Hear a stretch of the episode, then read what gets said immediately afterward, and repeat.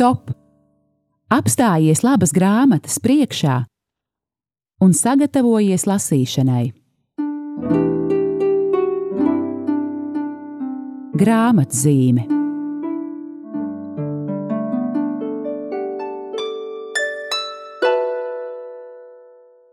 Lai ir slavēts Jēzus Kristus, esiet sveicināti, mīļie klausītāji! Ir kārtējā trešdiena un raidījums grāmatzīme, kurā mēs runājam par grāmatām un aicinām jūs kļūt par grāmatu lasītājiem. Mans vārds ir Aija Balode, es esmu no izdevniecības Kala raksti, un man liels prieks šodien sarunāties ar priesteri Dmitriju Artjomovu no Daugavpils, bet šodien konkrēti no Romas. Esiet sveicināts, priesteri Dmitriju! Sveiki! Sveiciens arī Romai! Laimīgais jūs, ka esat mūžīgajā pilsētā! Nu, varētu, varētu teikt tā, bet es šeit esmu, lai strādātu, nevis atpūsties. nu, jā, katrai maizītei sava garoziņa, kā saka. Priesti Dmitrija, bet iemesls, kāpēc mēs esam šodien raidījumā virtuāli tikušies, ir ļoti brīnišķīgs. Un proti, ir iznākusi jūsu sarakstītā grāmata Ievads garīgās dzīves teoloģijā. Un īstenībā es tā pašķitināju par mūsu izdevniecības darbu. Protams, galvenais mieram tuvu izdevums mums ik mēnesi ir jādabū un gatavs. Un tad e, pa brīdim, protams, kāda cita grāmata iznāk, bet nu, nospiedošā vairākumā tie ir tulkojumi. Es atceros, ka mums ir bijuši e, kardināla Pujata, tāds eh, sprediķu krājums, un eh, Liepājas eh, bīskapa Brūmāņa sprediķu krājums. Un tagad mhm. šai um, godājamajai kompānijai es, esat pievienojies jūs, priestiet Dmitrija, es jūs apsveicu. Patiešām oriģinālu darbus mēs izdodam ļoti reti. Lūk, paldies arī pirmkārt, ka, ka uzticējāties mums, tas bija tiešām liels pagodinājums.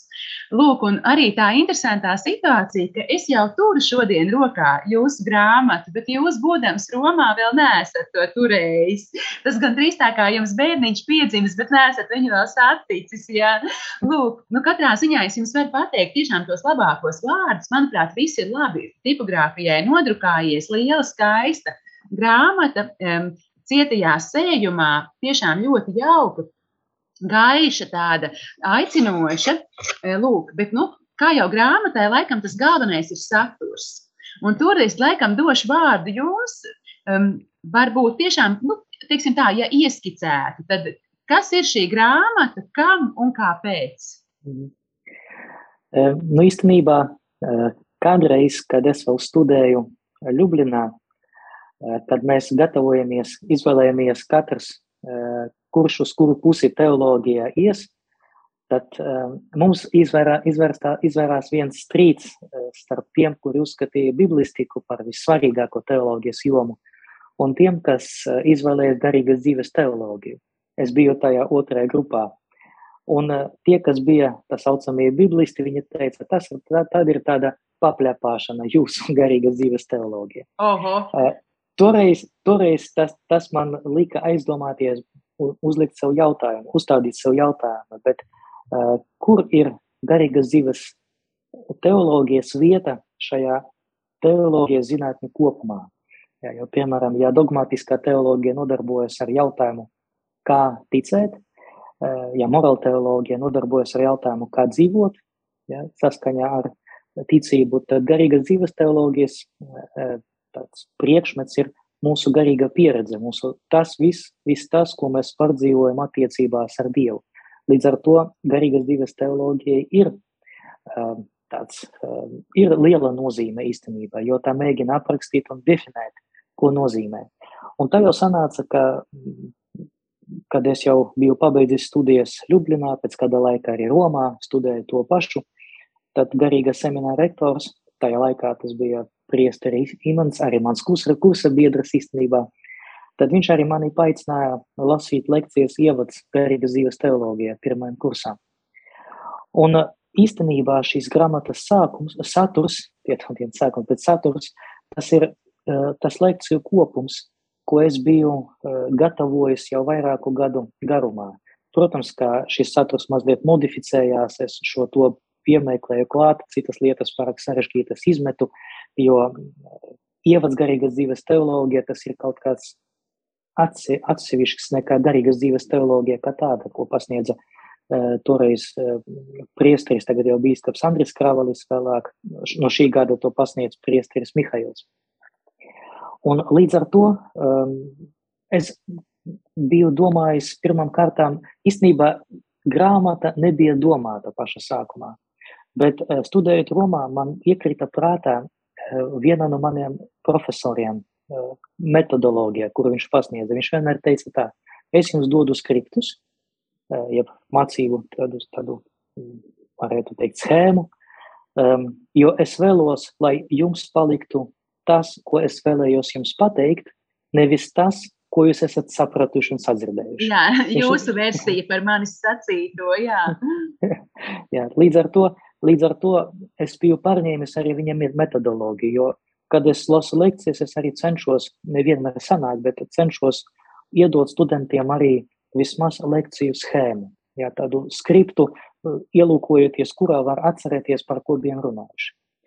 Un tā jau sanāca, ka man šie teksti krājās, krājās, krājās, un vienā brīdī, 20. gadā, martā, kad uh, sākās lockdowns, tad man pēkšņi parādījās brīvais laiks.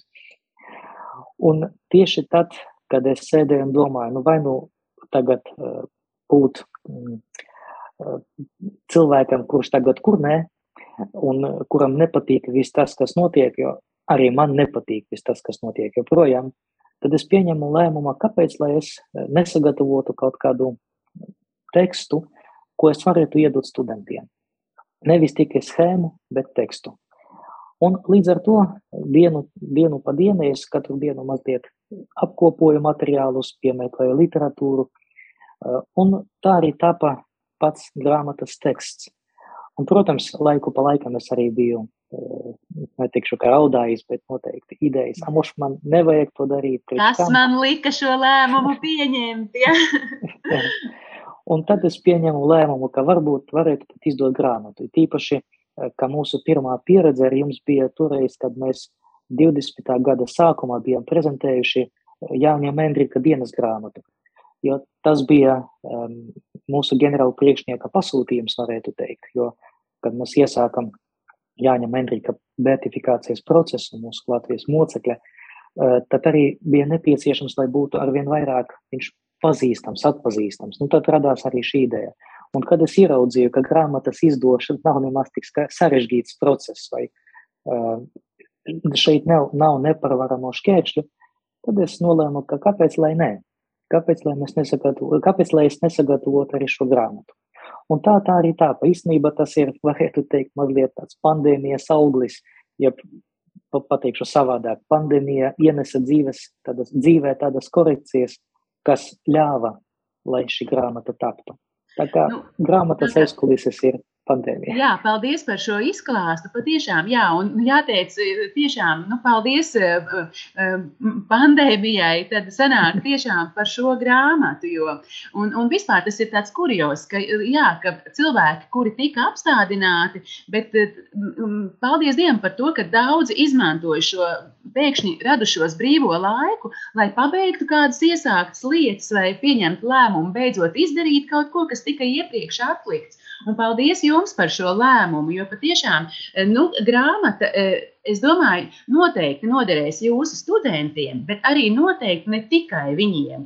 Arī uz jūsu paldies par ievadvārdiem, ko jūs šai grāmatai rakstāt, un arī tur jūs citas starpā sakāt, ka šī grāmata ir domāta gan katoļu teoloģijas studentiem, gan plašākam lasītāju lokam, ikvienam, kas interesējas par garīgās dzīves problemātiku. Un, un, un vēl gribēju tā pasmaidīt, ka jūs sacījāt par tiem jūsu uh, studiju laika biedriem, kur bija jums tas strīds par to, kas tad ir vērtīgāk, kura teoloģijas nozara, un jūs arī savos ievadvārdos sakat, Visai bieži sastopam uzskatu, ka garīgās dzīves eksperts var būt ik viens. Man liekas, varbūt tas ir tāds mazliet dzelonīts, kas vēl palicis no šiem studiju laikiem. Ja? nu, Protams, lai kļūtu par biblistu, tur ir daudz jāmācās, bet nu, garīgās dzīves teoloģijas eksperts tas ir jebkurš, kuram ir kāda garīgā pieredze. Ja? Lūk, bet nu, tālāk jūs sakāt, tomēr ar to ne, jā, proti, ka proti, par garīgās dzīves eksperts var būt tik viens, kurš ir guvis kādu garīgo pieredzi vai kuram ir bijusi saskarsme ar teoloģiju. Tomēr ar to nepietiek, lai patiešām kļūtu kompetents garīgās dzīves jautājumos un tās attīstības dinamikā.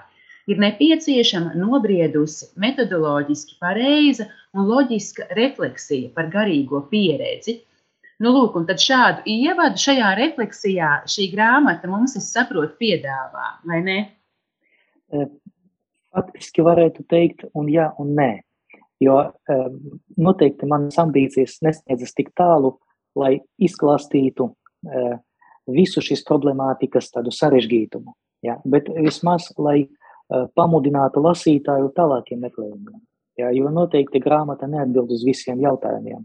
Uh, es neteikšu, nesaukšu vārdos, bet es uh, vienam Latvijas teologam nesaukšu pat dzimumu, nosauksim tāda teologam biju iedevis, nu, es esmu pateicīgs priesterim otrim lācim par to, ka viņš bija kā teologs izgājis tam cauri, viņš ar visā savā delikātumā noteikti nav pārmetis man daudz, jā, kaut arī palabojis daudz, bet ir, bija arī vēl viens teologs, nesaukšu vārdā, bet esmu ļoti pateicīgs šim cilvēkam, kurš man norādīja arī uz kļūdām, kurš man norādīja arī uz trūkumiem. Jā, un līdz ar to vienā brīdī man bija tāda, mm, tādas šaubas, vai ir vērts. Jā, un tad es arī nolēmu, ka es tomēr izdošu, bet ne jau kā mācību grāmatu, tādā tiešā šī vārda nozīmē, bet tādu kā ievadu, ievadu, ja, lai katrs, kurš vēlētos, varētu izlasīt un pēc tam turpināt šo ceļu. Tas ir tāda kā katapulta, varētu teikt, nevis uh, tilts. Ja.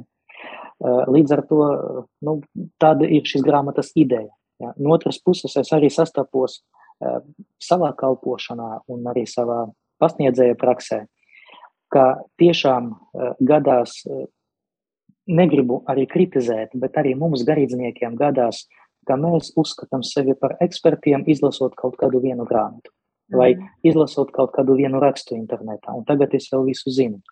Jā, un gadās, uh, diemžēl, arī dzirdēt, uh, lasīt um, uh, tādus pārdomas par garīgu dzīvi vai pat tā, tādu ambīciju, ka sniegt kaut kādas metodes garīgas dzīves attīstībā.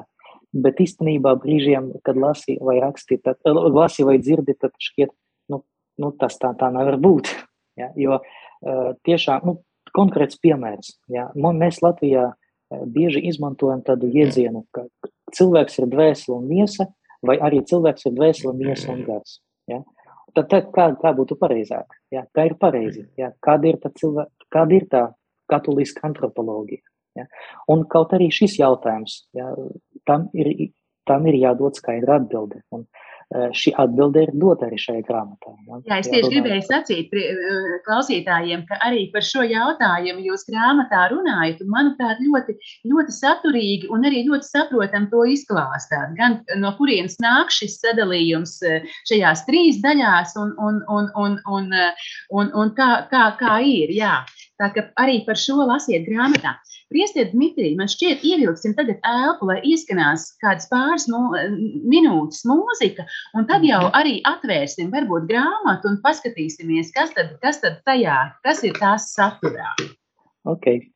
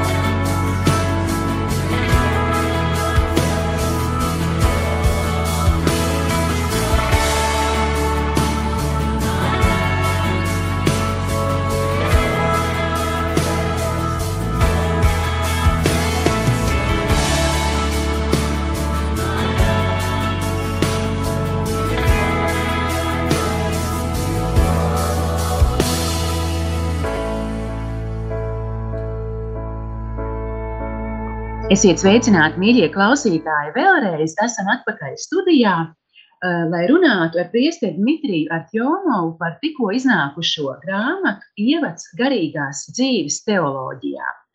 Un, eh, kā jau solīts, tad atvērsim to. Protams, nevarēsim visai grāmatai iziet cauri, bet lai mazliet atspēkotu priestera Dmitrija eh, ļoti pazemīgi sacīto, ka tas ir tikai tāds ievads un, un, un, un neko daudz jau gandrīz no tā, nu labi, es, protams, pārspīlēju, ne tā, bet eh, tomēr gribās iestīties grāmatas saturā, lai arī klausītājiem tomēr dot tādu priekšstatu, ka nu, ļoti bagātīgs un ļoti saturīgs šis te um, lekciju klāsts mums ir piedāvāts. Eh, grāmata sākas ar pamatjēdzieniem, eh, garīgās dzīves teoloģijas metodoloģija, eh, tālāk cilvēka atvērtība transcendentajam, cilvēka garīgās dimensijas aprīkojums, un pie tā es gribēšu pēc tam mazliet arī apstāties.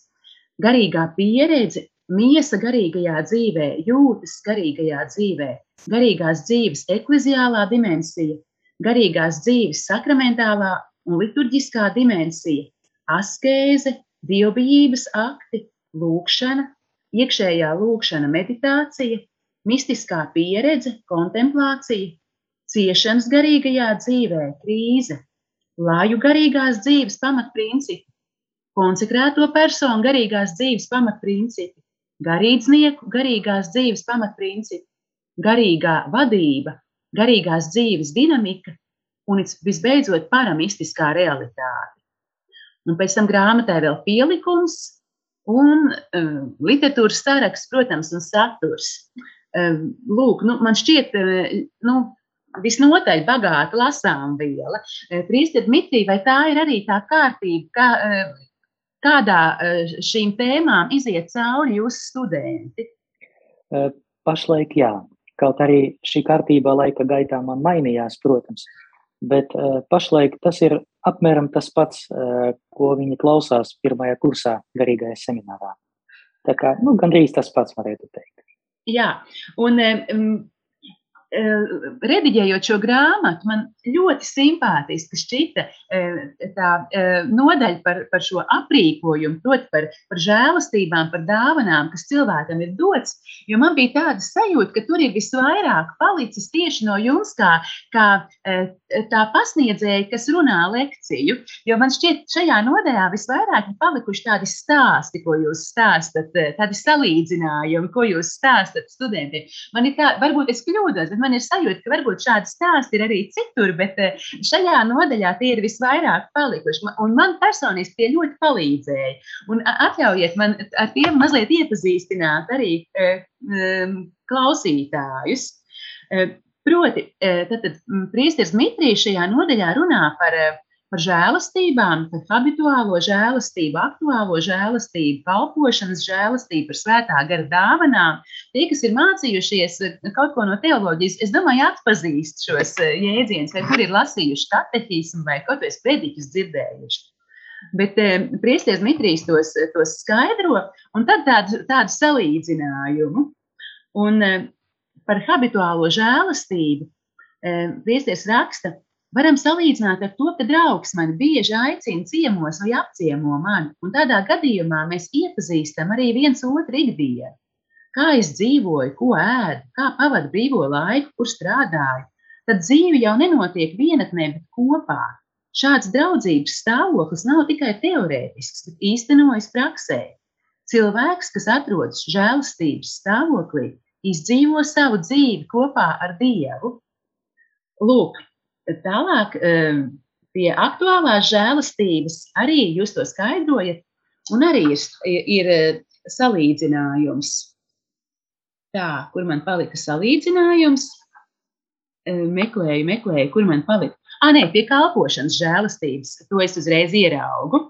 Um, Izmantojot jau pazīstamo salīdzinājumu, te ir līdzība ar situāciju, kad mans draugs man uztic amatu vai darbu viņam piederošā uzņēmumā vai īpašumā. Uzticoties man, viņš mani vēl vairāk tuvina sev. Bieži šī, žēl, šī žēlastība, proti, kalpošanas žēlastība, saistās ar liturģisku sakramentālo kārtību, bet nevienmēr. Piemēram, priesteru gadījumā šī dieva svētība tiek dota ar ordinācijas sakramentu piešķiršanu klosteru ļaužu gadījumā ar konsekrācijas svētsolījumu došanas aktā, laulāto cilvēku gadījumā sakramentālās laulības noslēgšanas laikā un tā tālāk. Nu, tad, proti, ka um, um, jā, Dievs mūs tā kā izmanto, nu, nevis izmanto, jā, bet viņš mūs aicina, kā, kā, kā tāds labs mūsu draugs, aicināt mūs, mūs savā uzņēmumā. Un visbeidzot, pie svētā gara dāvanām, tā mēģina uzreiz um, atrast, bet nu, tur bija arī skaisti, ka tad ir tā, ka Dievs ne tikai mums uztic, bet arī viņš pats nāk ar, ar mums un, un pats arī palīdz mums šo viņu uzticēto darbu veikt. Lūk, eh, nu, tas, protams, vairāk tā kā tādam smaidam, vai ne? Bet arī, um, jā, nu, protams, nelasīšu visu grāmatu, bet um, tas, kas mani paši uzrunāja, ka lietas, kas šķita jau nu, dzirdētas, zināmas, nu, katrā ziņā man tās šķita ļoti cilvēciski un ļoti saprotami pastāstīts. Tiešām tā kā jūs sakat, ik vienam, kas interesējas par garīgo dzīvi. Lūk, tā, tas tāds kompliments no manas puses. Paldies! Lūk, um, jā, bet atgriežoties vēl pie, ah, jā, un vēl viens kompliments arī par, par šīm svētā gara dāvanām. Jo es zinu, ka tad mēs parasti šīm, nu, šķiet, jā, nu, gudrības dāvana, saprāta dāvana, padomu dāvana, zinību dāvana un šķiet, nu, mazliet visu laiku par vienu un to pašu. Kāpēc vajadzēja tā sadalīt? Tad, izlasot jūsu skaidrojumu šai katrai dāvanai, nu, man šķiet, man nevienam citam pasniedzējam to nebija tik labi izdevies iepriekš izklāstīt. Tā kā tiešām paldies par to.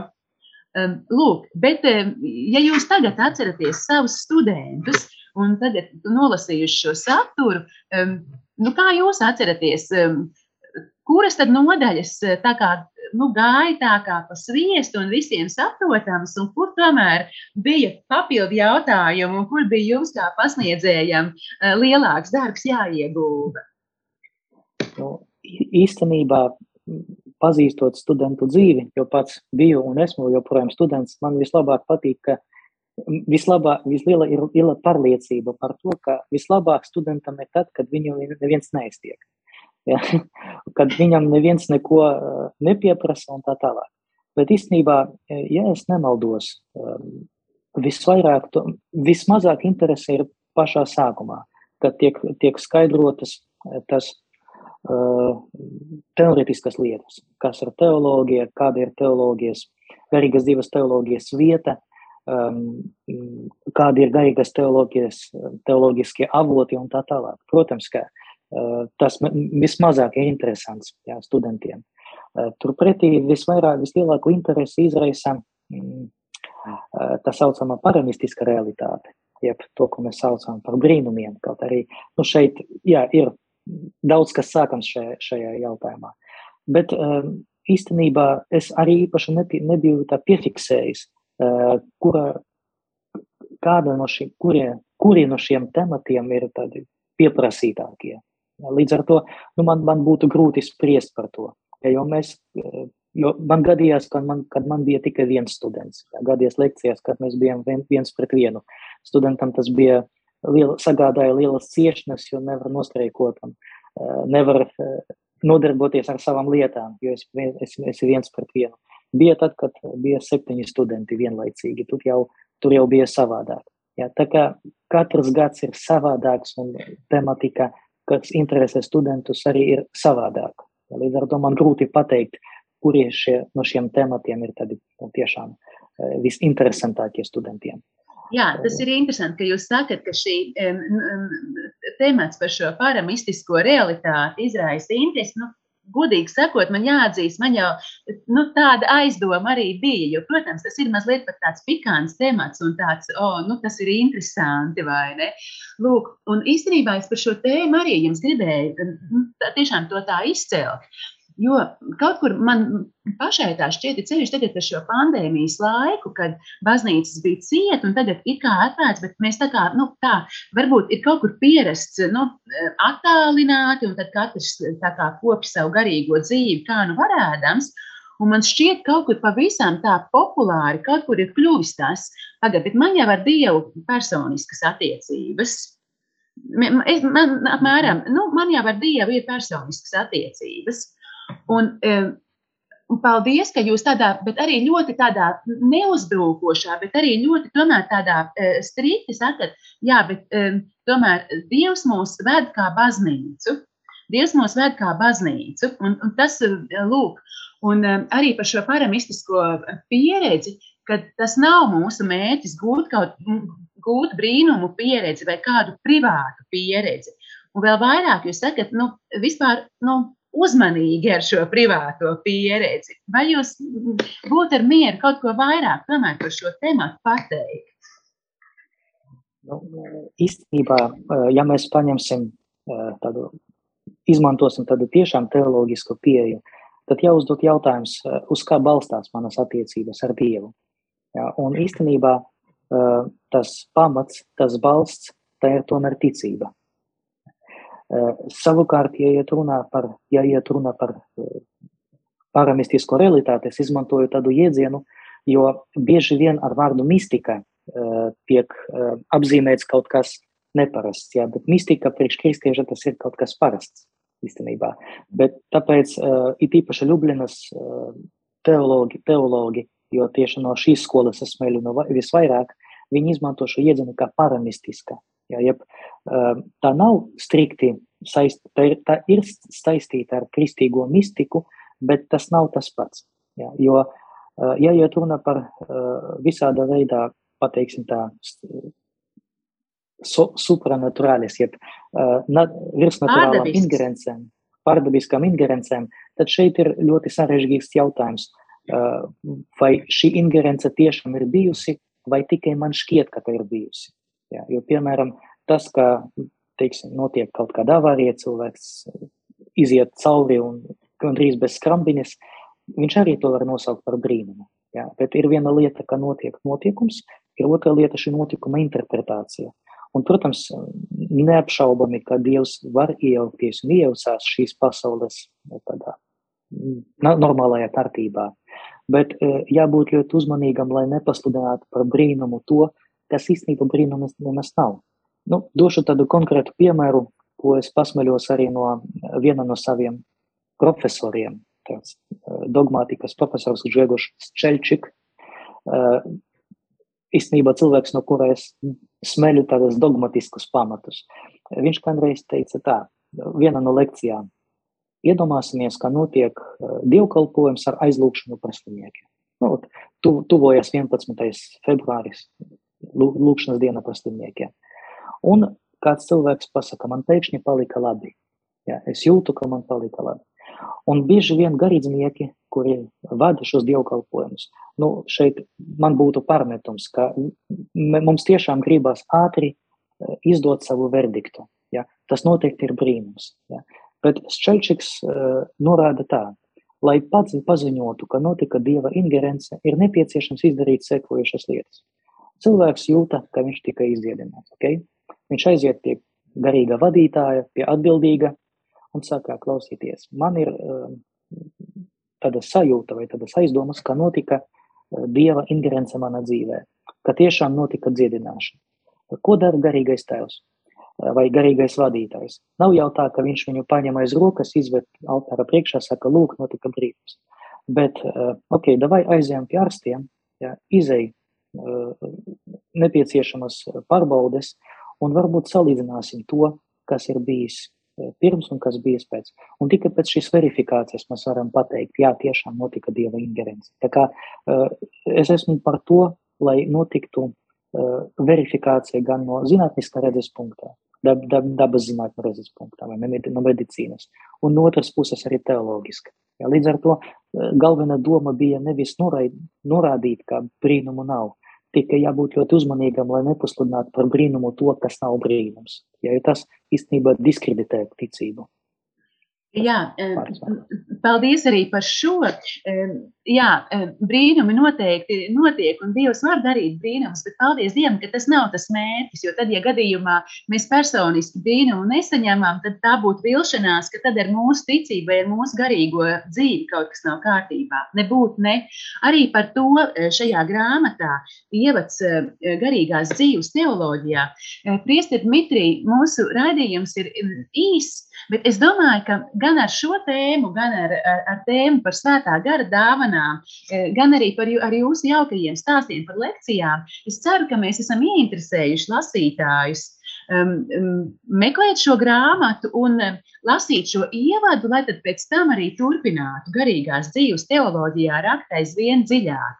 Uh, paldies, ka jūs atvēlējāt laiku, un, mīļie lasītāji, Eh, topošie šīs grāmatas lasītāji, jā, uz vienu otru draugu jau grāmatas ir aizsūtītas, bet joprojām ļoti vienkāršs veids, kā pie šīs grāmatiņas tikt, ir eh, atvērt mūsu mieram tuvu mājaslapu www.mieram tuvu LV un um, sadaļā veikals meklējiet ievads garīgās dzīves teoloģijā.